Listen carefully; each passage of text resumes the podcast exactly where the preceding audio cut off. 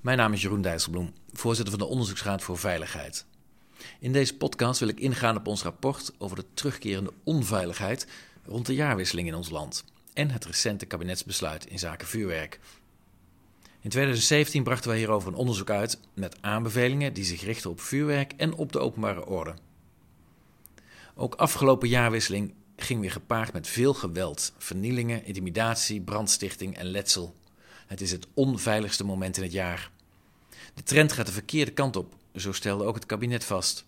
Er zijn honderden gewonden en duizenden incidenten. Vuurwerk speelt daarbij een grote rol. Het zijn veelal omstanders die daardoor letsel oplopen.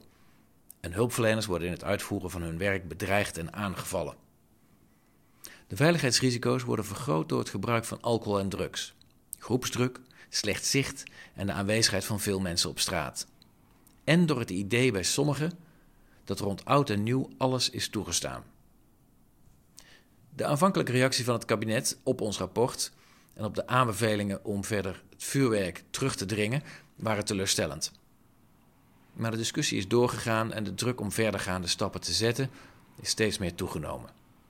Steeds meer gemeenten zijn lokaal ook actief, bijvoorbeeld met vuurwerkvrije zones en het organiseren van grote vuurwerkshows. Maar om de beschikbaarheid van vuurwerk te beperken, is een aanpak op landelijk en Europees niveau vereist. Op 31 januari heeft het kabinet een nieuw standpunt naar buiten gebracht. Het OVV-rapport was deze keer leidraad. We kunnen vaststellen dat onze aanbeveling om knalvuurwerk en vuurpijlen te verbieden en om verder inzicht te krijgen in wat overige typen bijdragen aan letsel en overlast worden opgevolgd. Onze aanbeveling was om in ieder geval per direct knalvuurwerk en vuurpijlen te verbieden.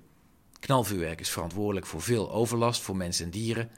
Het wordt gebruikt bij veel vernielingen rond oud en nieuw en het maakt het werk van hulpverleners zeer onveilig. Vuurpijlen veroorzaken veel letsel en worden ook op hulpverleners afgestoken.